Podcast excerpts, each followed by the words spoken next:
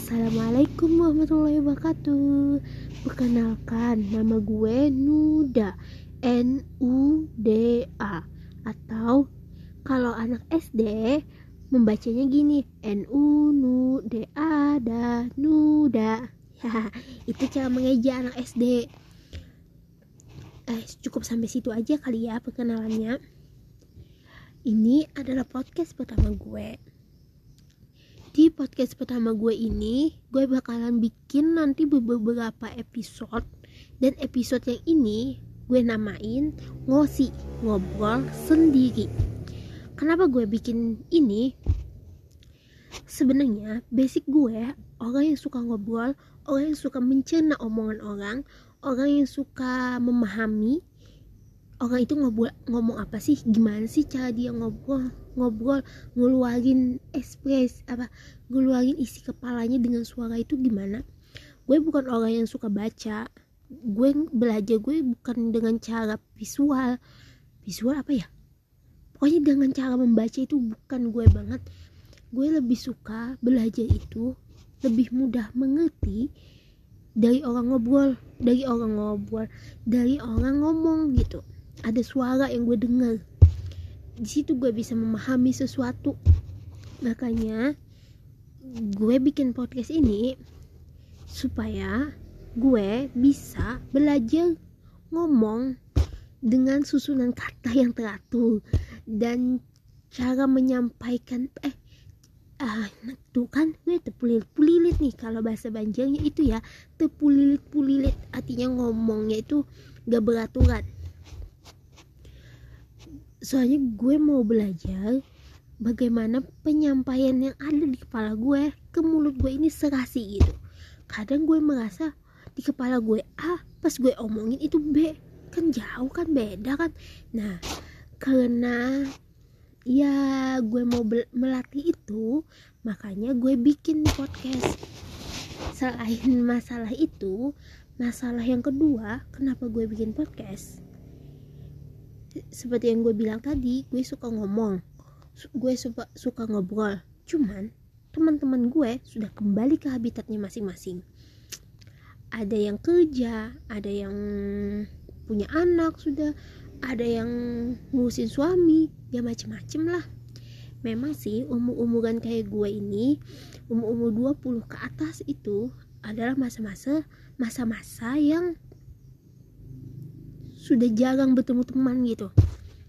Iya termasuk gue. Teman-teman gue sudah hilang kemanaan. Gak tahu ke mana gitu.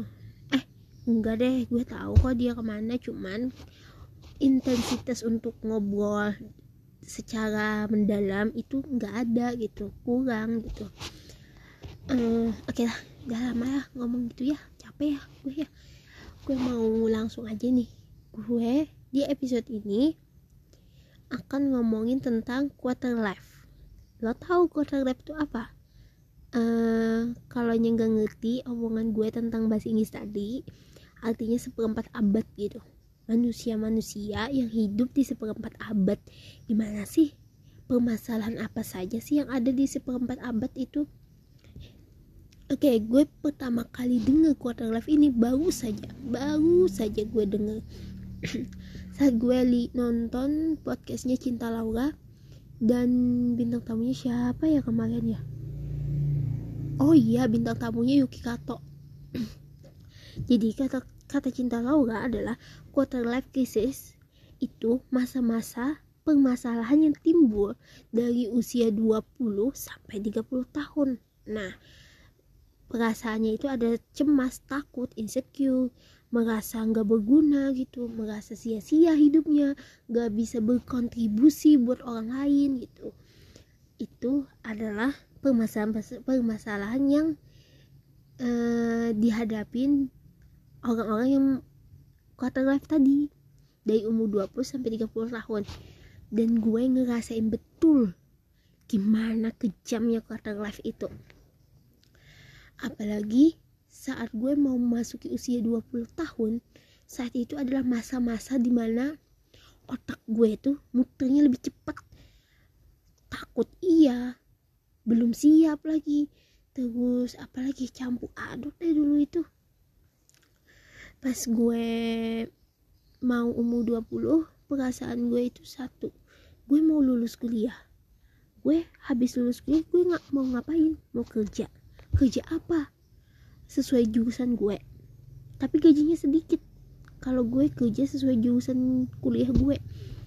Gimana gue? Cukup apa enggak gue ngehidupin hidup gue sendiri aja gitu? Gue gue bertekad saat umur gue 20 gue nggak minta lagi uang sama orang tua. Itu masa-masa di mana gue bingung. Gue takut segala macem lah. Pas gue lewatin itu semua ternyata permasalahan itu bukan gue aja yang ngerasain. Rata-rata orang yang usia 20 sampai 30 ngerasain permasalahan itu.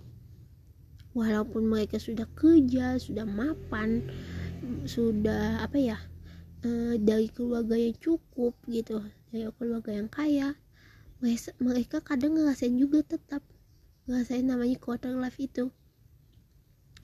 Ya saat ini target gue sih ngelewatin quarter life itu dan mengisi seperempat abad umur gue dengan kreativitas, prestasi, dan pundi-pundi uang. Nah, itu penting. Mimpi-mimpi gue sih banyak banget ya. Gue ini orang yang gaji punya eh gue orang yang bergaji 500 ribu ke bawah satu bulannya. Tapi impian gue itu macem-macem. Gue pengen beli mobil gue pengen beli rumah tas Hermes warna hitam yang bikin. Ada pusing gak tuh? Dengan gaji 500 ribu yang mempas satu bulan punya mimpi punya benda-benda semahal itu. Tapi sih ya usaha aja kali ya. Nanti kalau ada gaji eh ada gaji ada kerjaan apa gitu yang membuat gue bisa beli semua benda itu. Dan satu lagi yang menolong banget sama hidup gue yaitu doa. Hmm.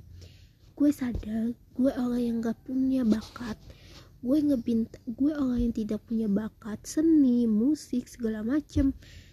Di ranah persenian gue enggak punya. Sedangkan di akademik pun gue nggak pinter-pinter amat.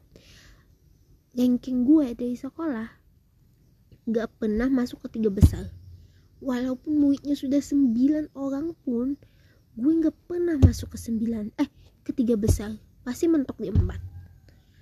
Iya iya membuktikan kan akademik gue gak terlalu baik gitu. Gue orangnya gak suka baca gak suka nulis. Jadi gue kadang mikir gue keahliannya di mana ya? Tapi saat ini gue mengerti. Allah itu punya rencana yang lebih baik. Selagi gue meminta selagi gue berdoa semuanya akan tercapai kok. Gue yakin itu. Dan buktikan dengan ikhtiar yang baik. Sebisa gue gue akan kerja lebih keras lagi dan berdoa beribadah lebih rajin lagi biar impian-impian gue bakal tercapai udah dulu kali ya lah. Gue bingung mau ngomong apa nih di podcast ini. Nanti ya kalau gue ketemu ide lagi gue ngobrol lagi deh. Gue bicara lagi deh. Bicara kayak naik seminar aja kali ya. Ya gue capek deh. Bye